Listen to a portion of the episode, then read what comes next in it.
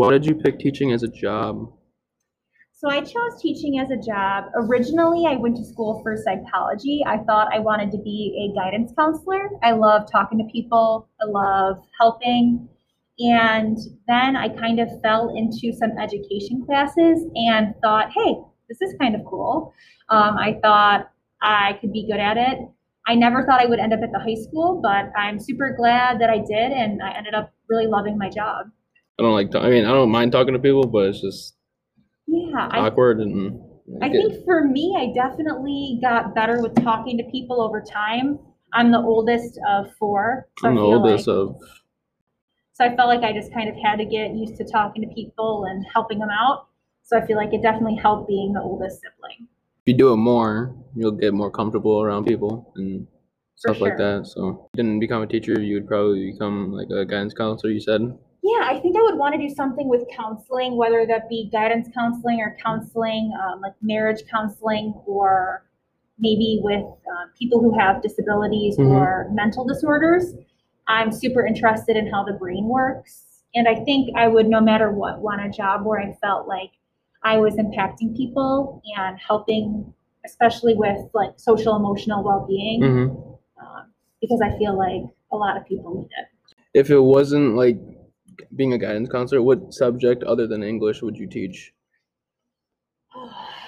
I do love social studies. I do too. Um, I love learning about history, especially like world history, but even United States history. I just find that I love learning people's stories, and I'm not so much like into the violence of history. I mean, it keeps you engaged, but It's just interesting. Exactly. And I feel like some people it just clicks with, and social studies for me always was something that came easy. Mhm. Science and math had to work a little harder, especially math.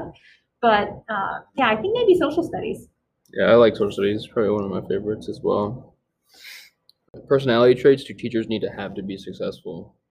I think that teachers need to be kind, they need to be understanding, hopefully intelligent, so Mhm. that they can get good information across.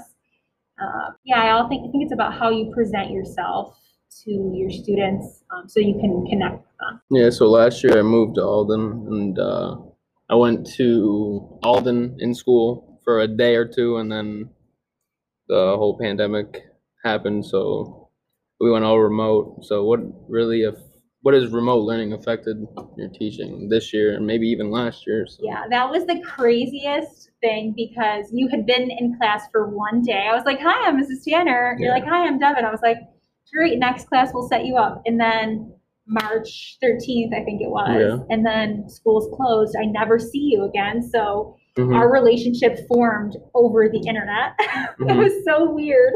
Um, but it was kind of cool that I was still able to like video chat and talk with you and be able to get to know you and help you out.